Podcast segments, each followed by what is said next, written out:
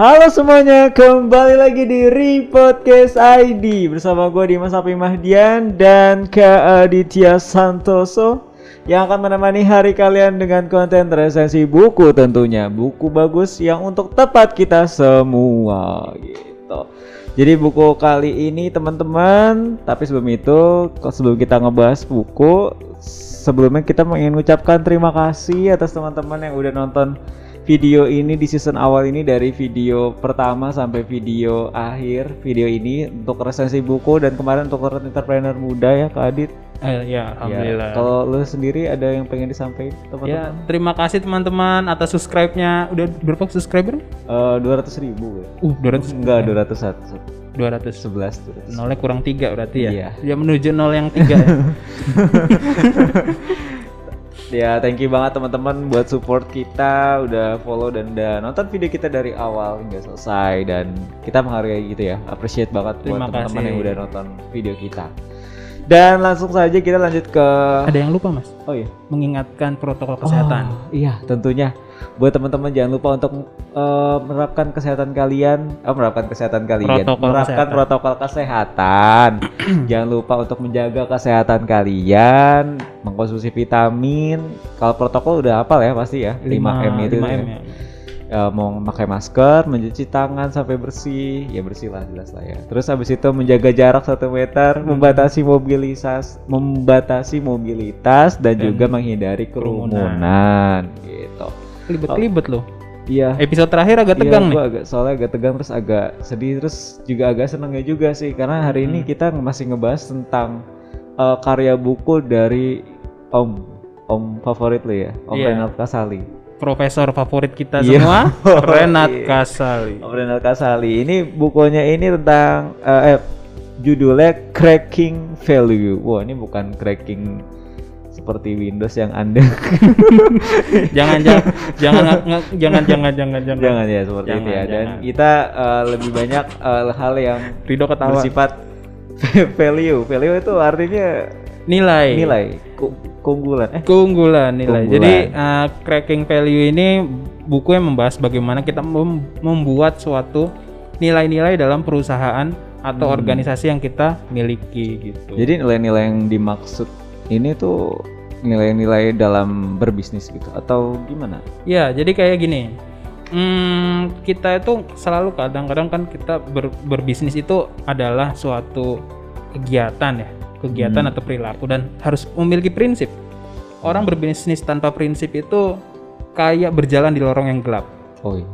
karena berjalan di lorong yang gelap ya kadang-kadang ya dia melakukan tindak-tindakan yang yang nyeleneh lah istilahnya. Ya berjalan di lorong yang gelap itu kadang-kadang ya kesandung ketabrak Hmm. atau bahkan dia melakukan penyelewengan-penyelewengan nah hidup tanpa value itu adalah hidup yang penuh dengan kejahiliahan. Jahiliyah. Hidup tanpa nilai adalah Jahiliyah hidup itu kan- yang penuh jahiliyah gitu. ya jadi kemunduran kemelaratan.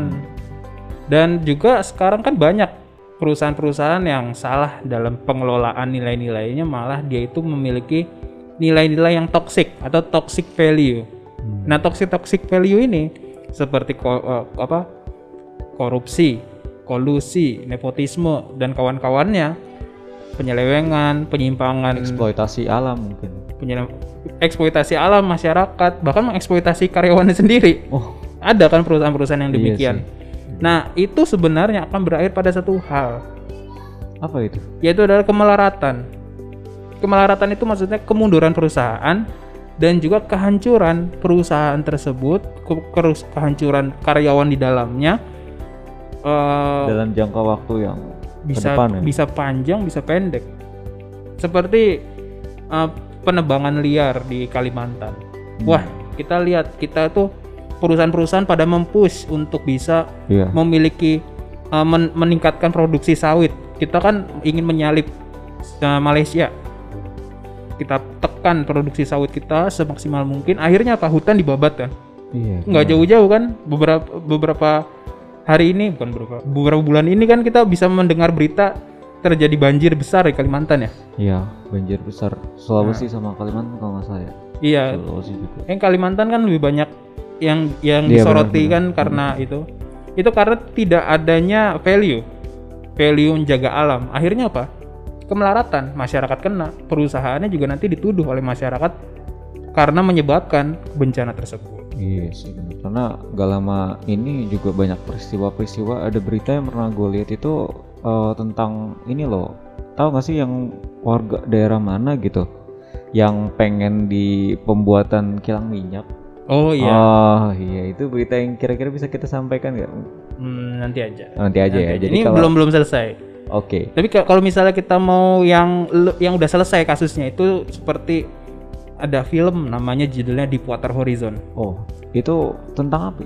nah ini dari kisah nyata nih. Filmnya dari kisah nyata Deepwater Horizon bisa dicari di internet. Hmm. itu berkisah tentang pengeboran minyak oleh perusahaan uh, British Pe- Petroleum. Hmm. yang itu dia melakukan pengeboran itu dengan sedikit.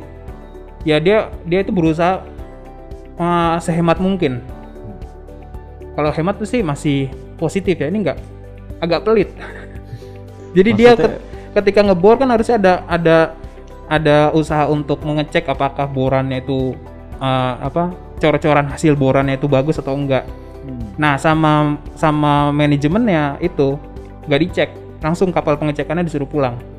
Oh jadi Ah. ninggalin efek Akhirnya itu lubang itu ya? loba apa eh, bu- apa eh, cor-corannya nggak kuat, jebol. Itu pokoknya ceritanya tuh bener-bener miris lah. Saya silakan bisa nonton teman-teman film Deepwater Horizon. Itu kalau nonton itu itu dari kejadian nyata dan mencekam banget. efek dari sebuah perusahaan tanpa adanya nilai peduli terhadap lingkungan dan Ada, sebenarnya ada, cuman dilaksanakan atau tidak? Apakah Oh. cuman jadi pajangan?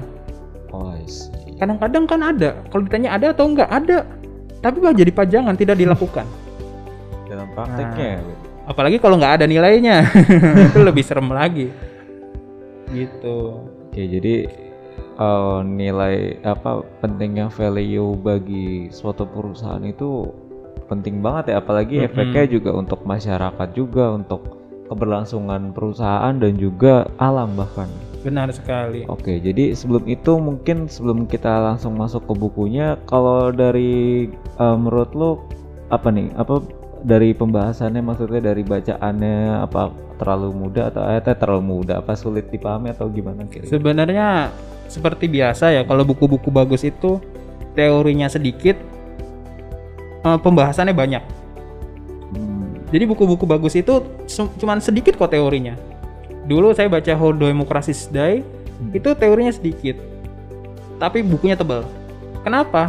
Karena dia ingin membangun fondasi teori itu dengan kasus-kasus dan menunjukkan implementasinya di lapangan. Hmm, buku bagus itu demikian. Nah sama seperti bukunya Pak Renat Kasali ini pembahasannya itu banyak tebal karena banyak kasus-kasus. Mungkin nanti teorinya sedikit. Nanti saya jelasin ya. Oh. Ah, tapi yang paling banyak itu adalah kasus dan dia ngambil kasusnya itu perusahaan-perusahaan besar Pertamina hmm. perusahaan-perusahaan pokoknya perusahaan-perusahaan nasional yang besar-besar. Bagaimana bisa survive dengan menegakkan value di dalamnya Oke, dan jadi terhindar dari ke- kebangkrutan intinya gitu oke berarti eh, value yang da- digambarkan situ bisa mencapai kesuksesan. Kalau tanpa value juga bisa mencapai kemunduran ya, kemunduran Benar bagi sekali. perusahaan tersebut. Jadi sebenarnya hubungan dari value sama eh, apa namanya kesuksesan. kesuksesan dari perusahaan itu Mm-mm. atau kemunduran perusahaan itu apa sih?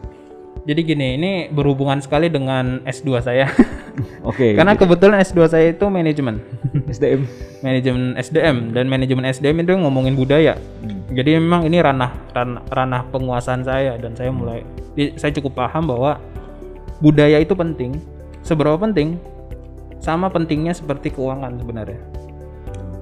Jadi orang-orang itu biasanya ngelihat kalau perusahaan pertama kali dilihat itu keuangannya.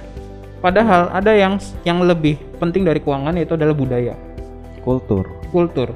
Jadi eh, nilai atau value itu akan menghasilkan perilaku Hmm. perilaku, daya pikir, uh, habis itu kreativitas, Hmm. etos kerja dan lain sebagainya. Lalu bagaimana cara kita ngelihat kultur suatu perusahaan? Oh, kalau itu nanti bisa kita lihat dengan cara banyak hal ya, tapi dari perilaku tersebut Hmm. nanti akan menghasilkan itu akan menghasilkan perusahaan itu uh, kinerjanya naik atau turun. biasanya kelihatannya itu dari kinerja paling gampang. Kinerja itu orang biasanya ngeliatnya di keuangan. Iya. tapi keuangan itu cuman puncak gunung es. Oh. bawahnya itu adalah kultur.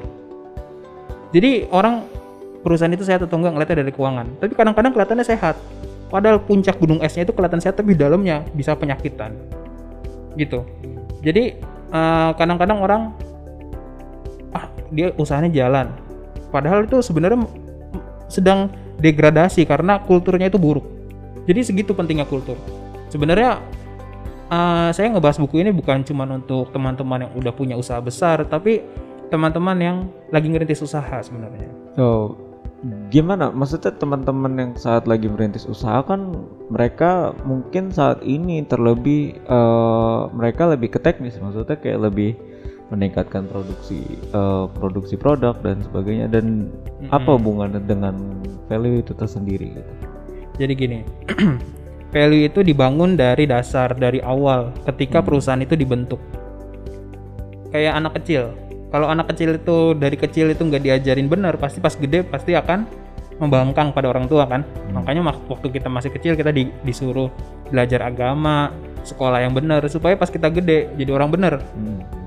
Sama seperti perusahaan. Kalau dari kecil itu nggak benar, pas sudah gede pasti lebih nggak benar. Jadi dari dari kita dari perusahaan kita kecil kita harus punya prinsip-prinsip. Dari Nilai-nilai. kecil ya, berarti jadi Mm-mm. dari merintis itu ya. Iya, karena nanti kita akan punya harus kita harus punya prinsip. Prinsip-prinsip misalnya kerja keras atau prinsip-prinsip yang sesuai dengan eh, lingkup usaha kita. Kalau lingkup usaha kita itu adalah usaha makanan, outlet kayak yang kemarin-kemarin, Iya. kan banyak ya yang di entrepreneur muda ngebahas Hmm, tentang makanan. Mm-mm. Itu harus punya nilai-nilai yang harus dipegang itu adalah kebersihan kan? Iya, kebersihan. kebersihan higienis. Nah, itu harus di- dipegang dari awal outlet itu buka. Ketika makin besar, prinsip ini akan terus di- dipegang sehingga ketika berkembang, ya karyawan-karyawan itu selalu menjaga kebersihan di outlet. Coba kalau misalnya dari kecil nggak bersih, pasti pas sudah gede oh, berantakan. ya nggak? Iya sih benar juga. Yang kemarin yang ada kisah yang di mana? Korea Selatan itu namanya youtuber siapa tuh namanya? Aduh, nggak tahu. Itu siapa ya? Gue lupa. Ada Yang di, di slide, slide berik- apa sebelumnya? Review Nah. makanan gitu ya. Hayantri, Oh, Hayantri, ya. kasus Sayantri. Hayantri. Itu salah satu youtuber di Korea. Mm-mm. Korea Sel- Korea Selatan. Iya. Oke. Ini saya me- melihat kasus ini menggunakan eh, ka- apa kacamata value ya. Hmm. Ada dua. Yang pertama Hayantrinya salah, yang ke yang pertama yang kedua itu eh, restorannya juga salah. Kenapa bisa salah? Maksudnya apa yang terjadi waktu itu? Jadi Hayantri ini kan ngomong kalau misalnya dia lagi makan tiba-tiba Heeh. di sausnya itu ada nasi. Dia dia ngomong di review bahwa ini sausnya kayaknya bekas. ya. Ngomong kayak gitu kan. Nah, lalu tiba-tiba ada karyawan dari restoran restoran itu ngeklarifikasi di komentar. Nah, pas ngeklarifikasi di komentar sama dia sama apa administrator akun YouTube-nya itu itu di mute atau di di istilahnya apa ya? Ya di di hide mungkin ya. Di hide ya Atau kayak gitulah intinya aku apa komentarnya itu dihilangkan dari kolom komentar nah eh, jadi kayak aspirasi em, apa jawaban dari apa Ya, si itu kan bentuk klarifikasi klarifikasinya malah nggak dikasih ya. iya malah nggak dikasih kasih tempat untuk klarifikasi ini kan melanggar nilai-nilai Hmm. keterbukaan Iya nggak Transparansi. iya. transparansi berarti dari tim Hayantri itu ada bermasalah Hmm, pertama. Oke, terus salah dari restorannya. kan kalau Hayantri akhirnya kan gara-gara itu kan subscribernya habis ya Oh, itu dua puluh ribu ya Efek itu dua puluh ribu habis dua puluh ribu subscriber. ini kita baru 200 subscriber nge- ngedenger dua puluh ribu itu hilang itu sedih sekali Kita minus kalau kayak gitu. Duh, dia udah dia udah punya 700 ribu sus- subscriber lebih Eh, dia salah ambil langkah tidak menerapkan value yang terbuka akhirnya kehilangan 20 ribu kan? Itu kerugian itu. Benar sih. kalau misalnya eh, youtuber bagi kita yang masih kecil-kecil kan itu sangat berharga. Setiap satu orang itu adalah aspirasi masyarakat kan? Itu dari kesalahan dari Hayantri kehilangan 20.000 subscriber. Terus kesalahan dari restoran itu apa? Pertama dia ini kurang untuk mensosialisasikan nilai-nilai restorannya. Maksudnya gimana tuh? Jadi gini, misalnya ada kalau restoran itu bisa mensosialisasikan nilai-nilai dengan kuat, Mm. masyarakat itu nggak gampang percaya dengan opini. Oke, em, opini Opini dari negatif, dia opini dari gimana? dari Hayantri itu. Oh, Kan kalau masyarakat datang habis itu dia tersosialisasi value bahwa peru- apa eh, restoran itu menjaga kebersihan dan bahkan membangun mem- mem- mensosialisasikan nilai-nilai itu dengan baik gitu ya. Mungkin ketika ada opini dari timnya apa dari youtuber Hayantri itu eh, pelanggan itu bisa mengkonter sendiri karena nggak selama, selama ini kok saya disosialisasikan nilai-nilai berbeda kok. Restoran itu menjaga kebersihan dan bahkan menjadi prinsip untuk menjaga kebersihan. Hmm. gitu kan? Bisa mereka bisa melakukan counter opini dalam kepalanya karena ada value yang disampaikan ke pelanggan. Nah restoran ini sepertinya gagal dalam me- menginternalisasi value-nya ke dalam benak pelanggan sehingga ketika ada youtuber yang mereview review. negatif dia langsung jatuh Oke, jadi waktu itu mungkin lebih nggak sengaja mungkin nasinya tiba-tiba jatuh sendiri. Iya, jadi eh, ada ada kesalahan di dalam sistem apa sistem sosialisasi nilai di restoran. Yang pertama, yang kedua di tim Hayantri ini tidak integritas dalam memegang transparansi. Kan di era digital ini transparansi sih. Bener sih ya. Apalagi terus efek dari keduanya itu masih eh, pas dari restorannya itu apa pengunjungnya berkurang juga? Ya habis kalau nggak salah sampai bangkrut itu kan restorannya. Oh iya sampai bangkrut. Sampai bangkrut akhirnya akhirnya itu dituntut Hayantri sekarang. Di pemilik restorannya itu menuntut ke pengadilan. Nah itu kan akhirnya kasusnya jadi panjang tuh karena tidak memegang prinsip transparansi Hmm. akhirnya dituntut ke pengadilan jadi panjang sekarang kasusnya kan? Nah itu dia. Karena tidak memegang nilai. Nah, itu. Sampai Ja- segitu panjangnya. Jadi nilai itu bentuknya banyak ya? Apa dari bentuk bentuknya kebersihan? itu nilai itu kan uh, intangible maksudnya tidak tersentuh abstrak. Iya. tapi nanti bentuknya itu perilaku. Jadi yang sesuatu yang abstrak itu perilaku nilai kebersihan perilakunya ketika ada sampah dibersihkan ketika ada kotoran dibersihkan ketika ada sesuatu apa cucian piring banyak Mm-mm. dicuci di eh, restorannya secara apa secara berkala disemprot disinfektan. Ini kan adalah nilai-nilai apa perilaku dari nilai-nilai kebersihan. Gitu. Jadi eh di buku ini pertama kalinya itu eh, menjelaskan tentang value dan efek dari value ya. Value Mm-mm. ke bagi perusahaan juga dan juga bagi unit usaha tentunya. tentu Jadi kalau dari eh teknis mungkin gimana cara eh, mungkin menunjukkan nilai ke pelanggan apakah itu secara langsung atau bisa secara tersirat atau gimana kira-kira? Nah ini dia. Jadi sebelum kita bisa memunculkan nilai tersebut ke pelanggan, kita harus bisa merumuskan dulu. Hmm. Dan merumuskannya itu harus tepat. Berarti di, harus direncanakan dulu ya terlebih dahulu. Benar sekali. Pertama, ketika kita ingin merumuskan suatu suatu nilai, itu yang merumuskan itu pemimpin. Pemimpin itu harus tergerak. Jadi pemimpin itulah yang akan mendorong nilai-nilai tersebut diterapkan dan ditegakkan.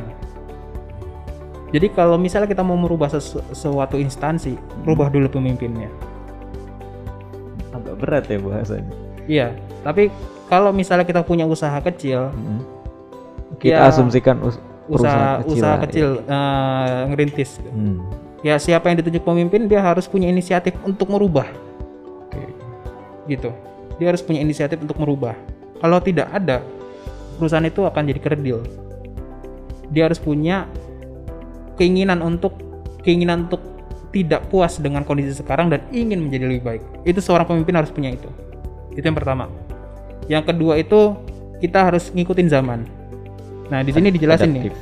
Zaman itu ada lima zaman. Saya saya nyontek ya. Oke, Kenapa saya okay. nyontek? Karena, Pak Renat ngomong jangan hafalan.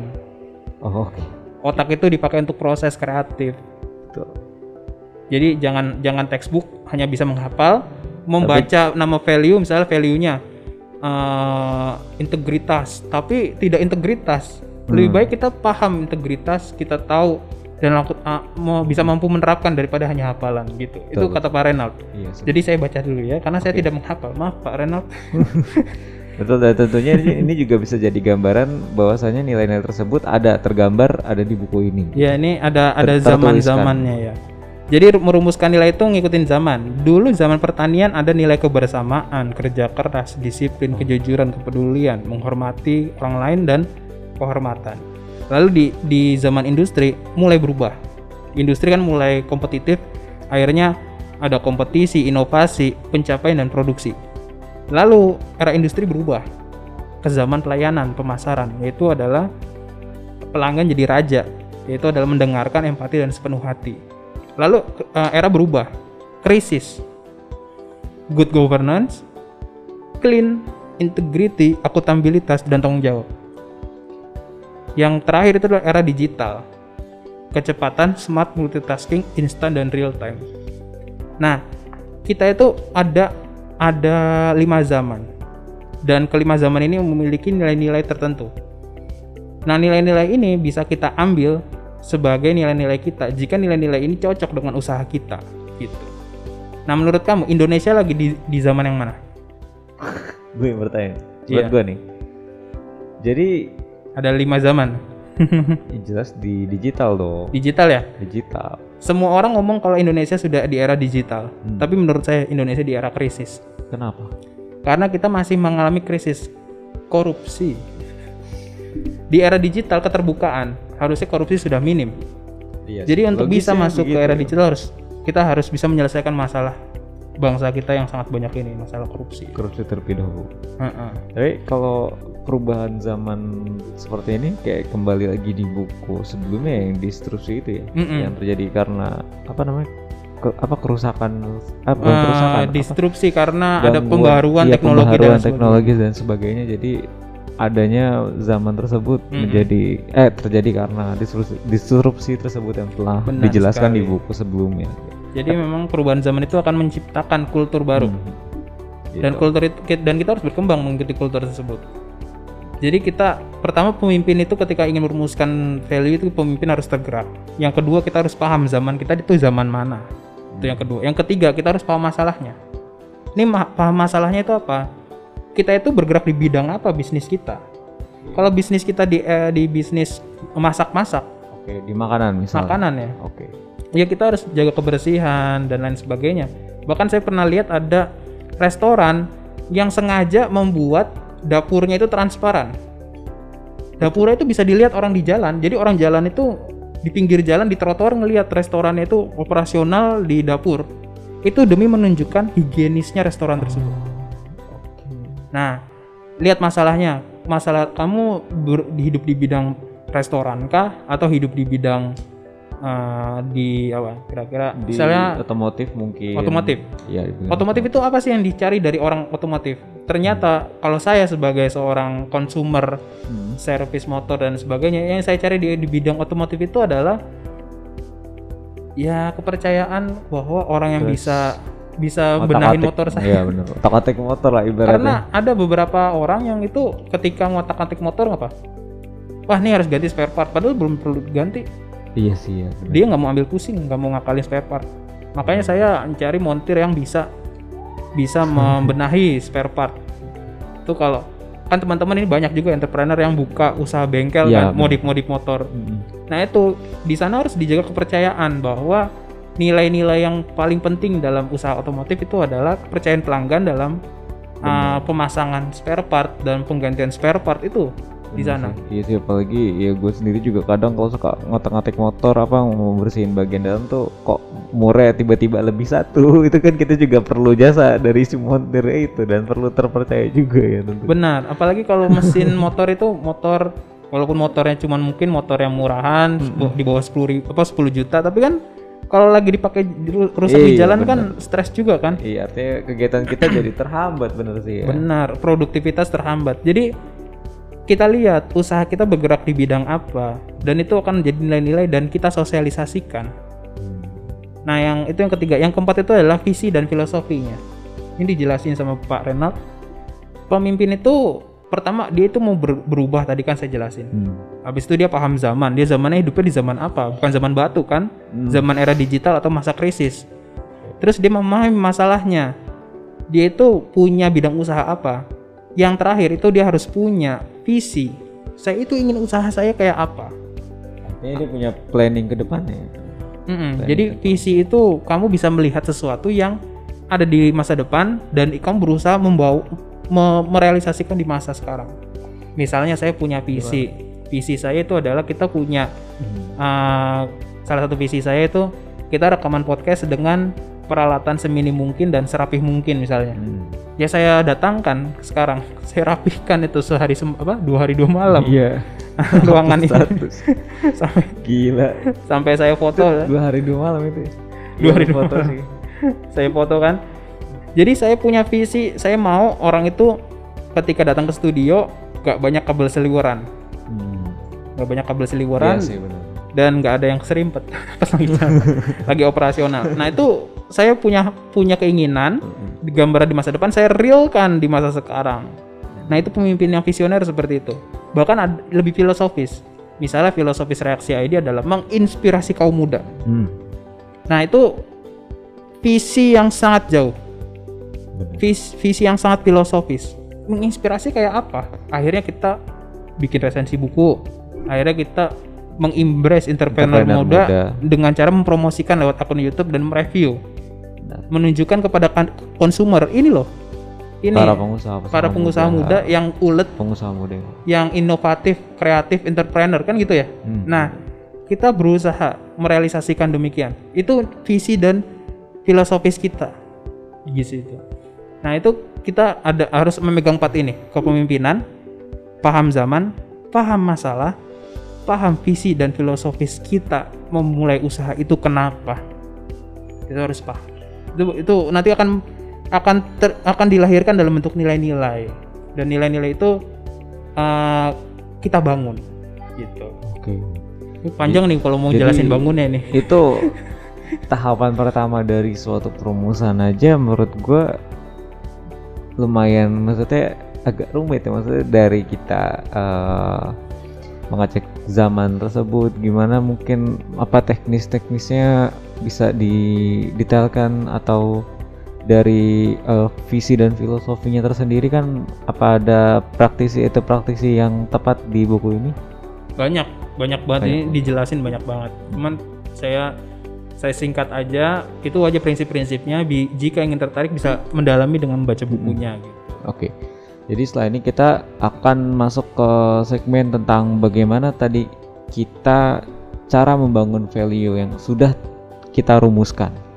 Jadi jangan ke mana-mana terlebih dahulu kita break dulu.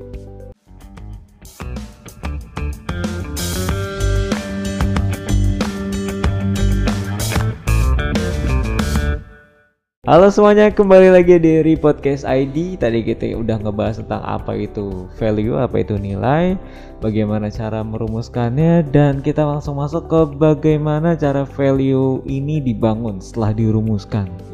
Nah, Berarti ini bahasan yang lebih teknis ya. lebih teknis dan lebih sulit. Oke, kita pelan-pelan aja. Kita pelan-pelan ya, pelan-pelan. Jadi apa yang pertama kali eh, kita bangun dulu? Nah, kita itu ketika kita ingin membangun value itu kita butuh kepemimpinan. Seperti yang tadi saya jelaskan Ya, bahwa seorang itu. pemimpin itu harus tergerak, tergerak untuk eh, merubah.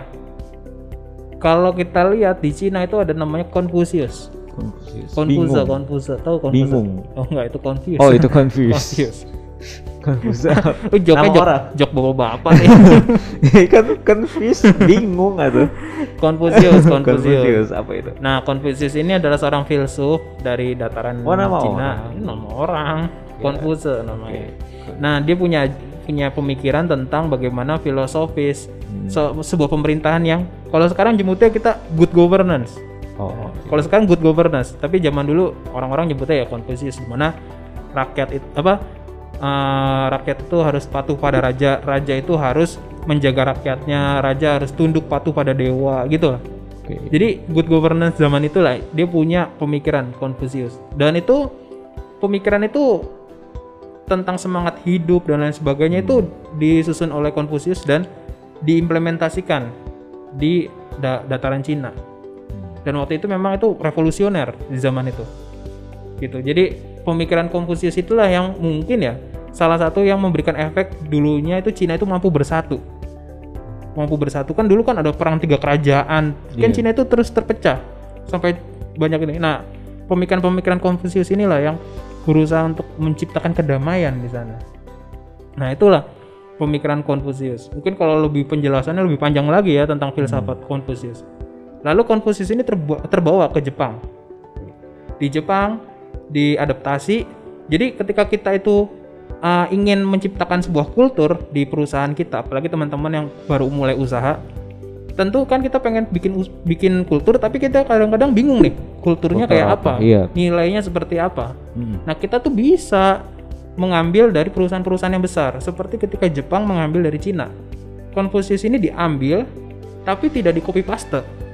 Jadi, Jangan hanya copy paste pokoknya. di revisi lah ya. Diadaptasi kita nyebutnya. Ya, diadaptasi. Diadaptasikan dengan kondisi Jepang. Lahirlah Bushido. Oh, istilah, istilah Keren ya. dari perkembangan pengembangan kepemimpinan. Iya. Ini jadi lahirlah Bushido, akhirnya melahirkan samurai-samurai. Kalau film The Last Samurai itu kan keren Pasti- banget ya. Iya, kalian tahu jati diri seorang samurai, itu Samurai. benar-benar kelihatan banget nilainya. Nah, jadi ketika dibawa ke Jepang jadilah Bushido. Nah, ini kita bisa men- men- belajar dari caranya Cina itu punya budaya dikopi sama Jepang. Kita juga bisa ngko- mengkopi budaya-budaya perusahaan-perusahaan besar yang sukses, kultur-kulturnya. Kita lihat di internet kan banyak ya di internet kan ada tuh. Value kami adalah. Nah, tinggal kita copy tapi kita adaptasikan dengan kondisi perusahaan kita. Tapi ya saya kasih tahu aja Indonesia juga pernah mengkopi budaya-budaya yang luar biasa se- tersebut. Oh iya. Benar. Eh, langsung diterapkan di suatu perusahaan atau gimana? Eh, kita ngambil zaman kerajaan aja dulu ya. Oke. Kisah Sultan Agung. Sultan Agung kan terkenal ya, bisa menaklukkan Surabaya dan menaklukkan eh, Jakarta. Dia kan Jayakarta ya. Iya. Dia ngirim pasukan ke Jakarta. Waktu itu ada namanya Pangeran Mandurareja. Waduh. Pangeran Mandurareja ini diamanahkan 10.000 pasukan untuk menaklukkan Batavia. Sayangnya pangeran ini gagal, kalah pasukannya. Karena sampai ke sana suplainya itu makanannya habis. Jadinya pasukannya itu lemah sehingga menjadi bulan-bulanan Belanda. Hmm. Lalu Pangeran Mandurareja ini pulang kembali menghadap Sultan Agung. Dia minta apa? Mau minta untuk keringanan hukuman. Ah, keringanan hukuman kayak koruptor apa? Hukumannya dipotong enggak. Keringanan hukumannya cuma sederhana. Dia minta anaknya dan istrinya jangan dikasih hukuman, cukup dia aja yang dihukum. Oke. Jadi waktu itu saat dia gagal melakukan peper- apa peperangan, keluarganya juga ikut dihukum gitu. Iya, jadi dia ya cukup saya yang menanggung malu intinya gitu. Ini tidak ada hubungan dengan anak istri saya. Dan tahu hukumannya apa? Apa itu? Hukumannya huk- hukuman pancung, Jadi langsung dieksekusi saat itu. Jadi kekalahan, jadi kayak kayak zaman samurai di Jepang. harakiri ya. Menggunakan metode harakiri. Kalau di ya kalau di Jepang harakiri. Nah, di Indonesia juga sama. Kalah harga diri, dia merasa bahwa dirinya terhukum, habis sholat zuhur dia menghadap Sultan Agung dan akhirnya dihukum pancung. Dia ke, ah, jadi benar-benar kayak kayak Jepang. Jepang, iya benar. Kekalah apa kekalahan itu dibayar dengan harga diri. Dulu Indonesia kayak gitu. Pas zaman Sultan Agung, teman-teman mungkin udah nonton filmnya ya. Itu bagus banget filmnya Perjuangan Sultan Agung mengalahkan Belanda. Kita itu punya kultur-kultur luar biasa, tanggung jawab, kerja keras, kepemimpinan, solidaritas, kepedulian, empati terhadap rakyat kecil. Banyak budaya-budaya kita yang kuat. Tapi sayang, satu hal. Pemimpin kita banyak yang tertidur. Oh. Kita sudah merdeka tapi jiwa-jiwa pemimpin kita belum merdeka. Akhirnya banyak yang korupsi. Nah, terus bagaimana? Bagaimana kita sebagai anak muda menghadapi hal tersebut? Gampang. Siapkan diri kita untuk menggantikan mereka. Sejak saat kita sekarang masih muda, kita bangun diri kita dengan value-value nilai-nilai Kita bangun perusahaan kita dengan value-value dan nilai-nilai. Kita bangun organisasi kita. Kalau teman-teman yang di nonsos, eh di nonsos di dunia Dunia dunia, bisnis. sosial, dunia yayasan atau dunia kan ada juga teman-teman yang di LSM ya, Iya. kayak di PMI. lembaga pemberdayaan masyarakat PMI kan PMI kan kayak eh, Palang Merah Indonesia kan itu kan yayasan iya kayak sosial ya teman-teman yang di dunia sosial di panti jompo itu juga jangan kira pelayanan sosial itu tidak memiliki nilai-nilai harus punya nilai-nilai harus punya value untuk bisa berkembang. Makanya ada kode kode etisnya tersendiri ya kalaupun tidak ada kita susun bagaimana supaya kita itu bisa bertransformasi menjadi luar biasa. Benar. jangan jadi orang biasa. Jadilah unik. Kemarin udah saya bahas mungkin di podcast sebelumnya tentang buku. Buku apa kemarin? Buku dari simplify simplify, your life. itu kesan saya di, saya bahas bahwa zaman sekarang kalau iri itu udah nggak zaman lah. Karena zaman sekarang itu bukan kita membandingkan orang lain dengan perbandingan yang sama tapi kita membandingkan orang lain dengan keunikan kita. Dia unik di sana kita unik di sini. Ketika kita ingin bersaing kita harus cari keunikan kita.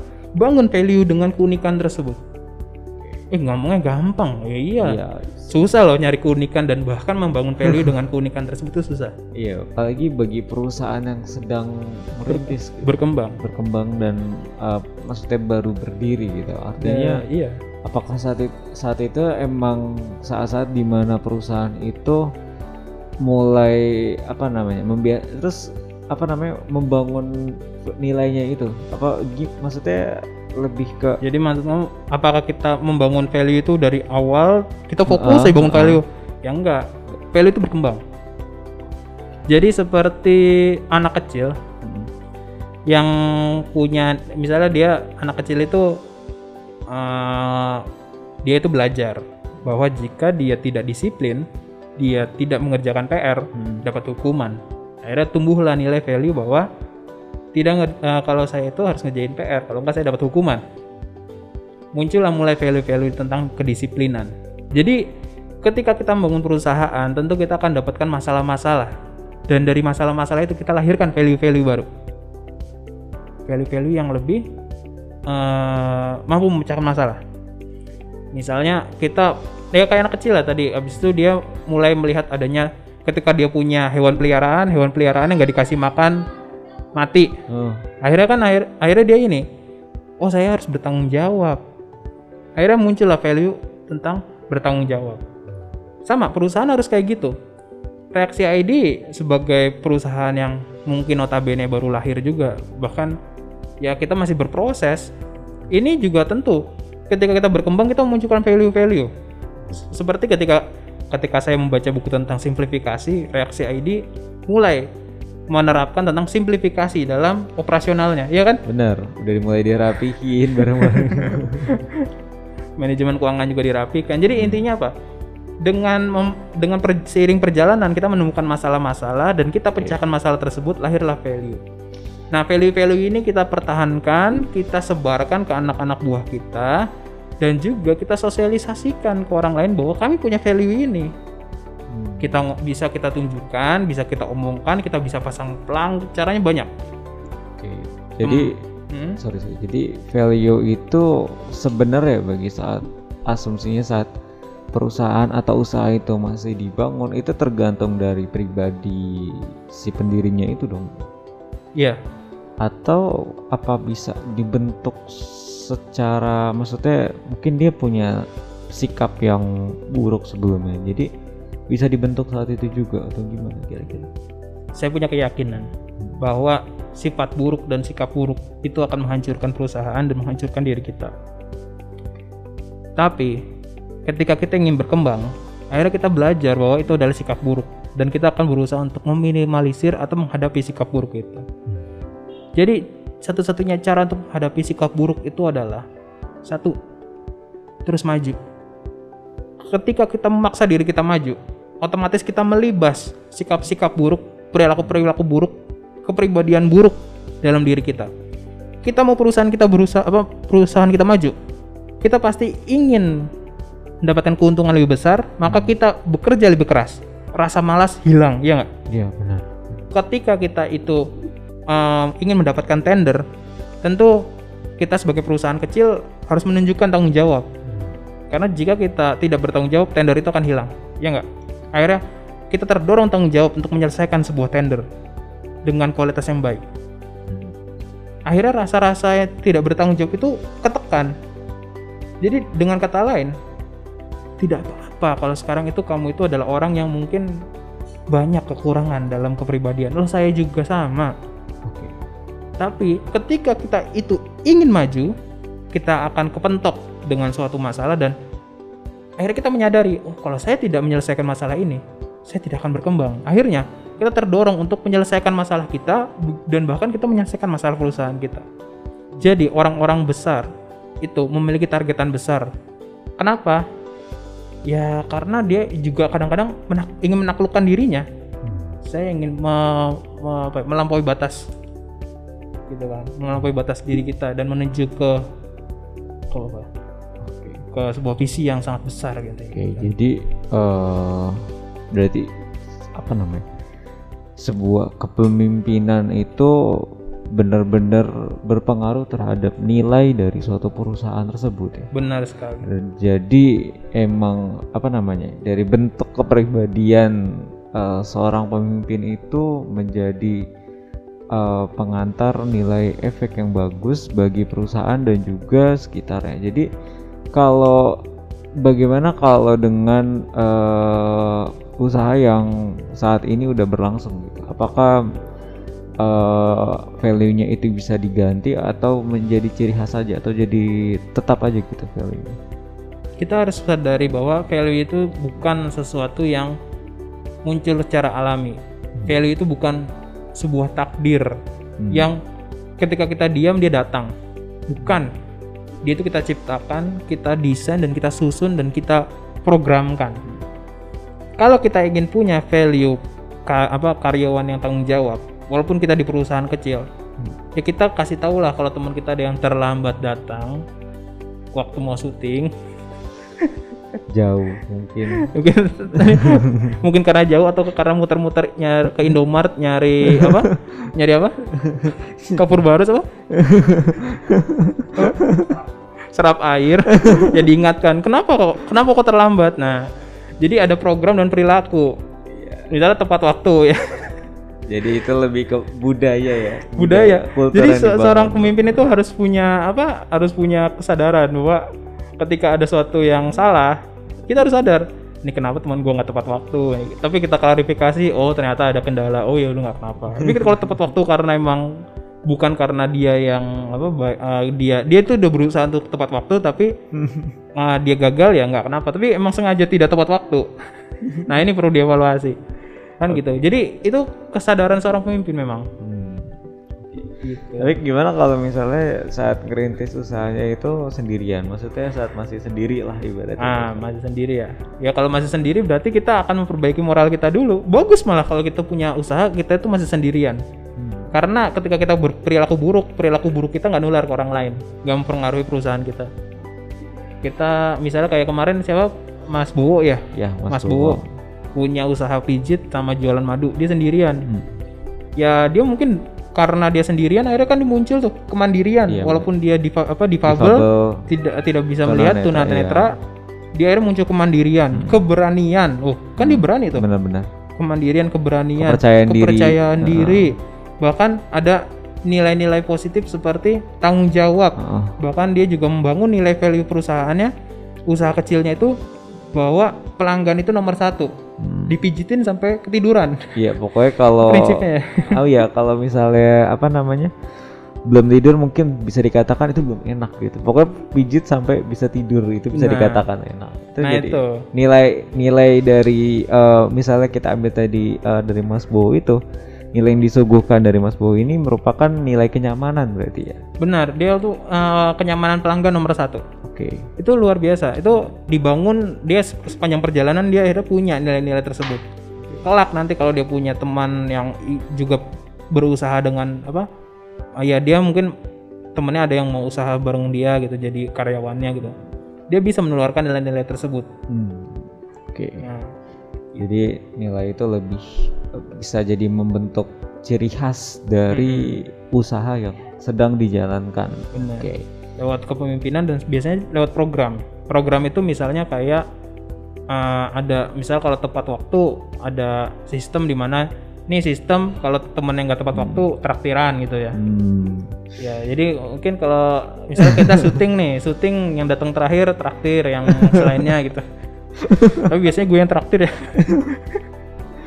kalau nilai eh, apa namanya kalau dari nilai keunggulan itu bisa banyak banget apa dari- kita belajar dari bahkan dari kartun SpongeBob mungkin ya yang yang tau gak sih itu ada yang kalau dia tuh datang tepat waktu nih jadi benar-benar kayak ngasih bilet absennya itu kayak bener-bener 900 gitu ingat oh nggak iya iya. yang gitu Jadi Squidward datang. Waktu. Squidward datang pas lewat lima menit. Cekrek. Udah dia ketawa-tawa Jadi itu menjadi apa namanya? Kalau kita ambil value dari situ mungkin sederhananya eh, nilai disiplin yang ditanamkan dari si spons itu ya ya emang menjadi bentuk efektif dari kalau bekerja. ya emang SpongeBob itu kan emang workaholic ya emang Iya, harusnya workaholic. kita sebagai seorang entrepreneur harus workaholic loh Hmm. benar-benar mencintai pekerjaan kita karena kita cinta akhirnya kita bisa berkutat dengan lama akhirnya Hmm. kita bertanggung jawab ma- mampu membangun positif uh, positif uh, value dalam diri kita dan Hmm. itu bisa menularkan ke perusahaan kita menularkan ke orang lain gitu. Bahkan ke rekan kerja ataupun kolega-kolega bisnis. Hmm. misalnya ya supplier. Karena kita disiplin supplier kita bisa dorong jadi disiplin. Gitu kan? Iya. kayak gitu. Oke, jadi eh, mungkin apa namanya eh, point of view atau eh, manfaat dari eh, buku ini mungkin bagi teman-teman yang masih merintis dari usahanya itu itu tadi ya. Jadi ngebangun eh, merumuskan terlebih dahulu tadi empat item itu yang tentang kepemimpinan, terus Ngikutin zaman. mengenal ngikutin zaman, ada adaptif ya, adaptif. Habis itu eh, mengetahui masalah dan Mm-mm. juga memiliki visi dan filosofi terhadap unit usaha yang dijalani gitu. benar sekali Kemudian baru saat itu dia memulai suatu uh, program kepemimpinan di atas diri dia sendiri. pembangunan uh, apa kultur itu dengan ya dia sendiri yang harus bergerak awal gitu Oke, jadi itu ya mungkin gambaran teman-teman bagi kalian yang sedang menjalankan unit uh, usaha yang sedang kalian jalankan. Oke, ini kalimatnya gue ulang-ulang lagi. Nggak kenapa supaya, supaya paham Oke, jadi itu ya apa maksudnya dan lebih jelasnya lagi tentang eh, teknis dari pengertian eh, gimana cara kita menilai suatu zaman, apa gimana dari kita eh, menilai suatu masalah dan visi dan filosofinya itu bisa dijelaskan lebih jelasnya di buku buku ini Cracking Value dari Pak Om Renat Kasali. Gue jadi Iya. nyebut jadi Om. iya om kenapa jiwanya muda Iya, saya bener, bilang Om. Iya, Pak. Reynolds ini jiwanya selalu muda mungkin bener. umur secara fisik ya umurnya sudah Iya, lumayan iya, tapi jiwanya keren, muda keren. Jadi teman-teman kalau mungkin ada mungkin teman-teman yang baca ba- apa baca mendengar podcast ini umurnya mungkin sudah u- usia uh, pensiun baru mau mulai usaha nggak usah khawatir. Ketika kita berusaha kita buka usaha itu kita akan menjadi lebih muda. Karena kita terdorong untuk berlari saudara. Nah karena kita berusaha untuk bergerak terus jiwa kita jadi muda walaupun fisik kita sudah berumur Oke. bukan berarti gue berumur ya Dalam arti semangat lu lah terus Iya, iya, lagi, iya. ya, gitu. Tentunya ditularkan oleh teman-teman dari reaksi AID. Iya. Oke, jadi eh, teman-teman bisa baca lebih lanjut bukunya dan untuk bukunya gimana? Sederhana kah bahasanya Oh kira-kira? bener-bener bukunya ini kalau saya baca ya banyak banget kasus Hmm. karena banyak banget kasus akhirnya saya lebih paham Oke. kan kadang-kadang kan kalau ngasih teori ini apa nih kok gimana Iya, kadang penerapannya teori gitu jadi ya. abstrak ya, tapi di Heeh. situ lebih jelas. ya lebih jelas bener-bener dijelasin secara detail Hmm. bagaimana misalnya Pertamina punya value apa Hmm. kan kita pernah dengar ada 5C apa gitu eh 5C 5S Lima S. Senyum, Senyum, sapa. sapa, salam, sopan, santun. nah itu Nah, gitu. itu bagaimana Pertamina itu eh, mendesain sampai akhirnya bisa diterapkan di pom bensin pom bensin. Nah ini diceritakan. Nanti kalau teman-teman punya unit usaha ingin membayangkan bagaimana kalau saya itu punya keinginan, misalnya saya ingin perusahaan saya itu menjadi perusahaan yang menjaga kebersihan. Bagaimana dia eh, menyusun dari atas sampai teman-teman karyawan di bawahnya itu bisa ngikutin. Nah itu bisa dibaca buku. Dan ini menjadi salah satu ciri khas tentunya saat kalian udah mengenai eh udah mengenal tentang nilai usaha kalian ini bisa menjadi ciri khas bagi unit usaha kalian dan tentunya ini akan memudahkan bagi teman-teman untuk mendapatkan pelanggan atau pasar yang lebih besar lagi. Oke, mungkin itu aja eh, dari konten resensi buku bagus kali ini. Tentunya kita tak lupa untuk menyampaikan quotes. Ya, ini quotes dari Om Renal Kasali tersendiri ya. Iya. Jadi quotesnya itu budaya perusahaan adalah sebuah strategi, bukan sebuah takdir atau terjadi secara alami. Ini how deep, banget. Maksudnya Mm-mm. bener-bener artinya kebudayaan itu benar-benar bisa dibuat ya. Iya, dibuat bukan terjadi secara alami. Kita yang mengubah, jangan sampai kita yang dirubah. Kita anti mainstream. Karena jika kita mainstream ya kita nggak bakal pernah bisa buka usaha. Enakan kan jadi karyawan kan. jadi pengusaha itu buka kedai aja itu sudah sebuah anti mainstream. Tuh, keren keren banget. Jadi kalian bisa uh, cek video-video kita sebelumnya dengan konten entrepreneur muda. Kali aja itu bisa menginspirasi kalian. Mungkin kalian mau langsung buka usaha atau sedang mendapatkan inspirasi dari uh, video-video kita. Dan juga untuk uh, kesempatan kali ini kita mengucapkan terima kasih kepada teman-teman sekali lagi. Ini adalah konten resensi buku di season pertama ini yang terakhir. Jadi thank you banget uh, buat teman-teman yang udah support kita. Ya itu kata-kata pertama di yang Ya. udah gue sampein lagi. Gue speechless banget atas ya kita udah melaksanakan ini selama tiga bulan. Tiga bulan dan jadi- alhamdulillah sudah terkumpul 200 subscriber. Ya, amin. Alhamdulillah. Alhamdulillah. Dan dan juga Rido sampai tertawa senang. dan juga tentunya di season 2 nanti kita bakal menghadirkan ya rahasia lah ya. Tentunya ini akan membuat Tapi kalian nanti di Ramadan kita ada konten loh. Oh iya. Ada konten Ramadan. Kita resensi buku Ramadan. Oke, jadi itu termasuk konten Ramadan ya? Mm, Jadi kan tapi nanti teman-teman. bukunya apa kita tunggu pas Ramadan. Oh, bukunya rahasia nih. Tadi gue pengen bagus. nyampein di awal video sih sebenarnya. Oh iya, belum Iya, belum tapi belum nyampein ya? Iya belum Oh, nyampein. Jadi iya, ya gue harap sih teman-teman nonton video ini dari awal sampai selesai. Oke, that's all for this session.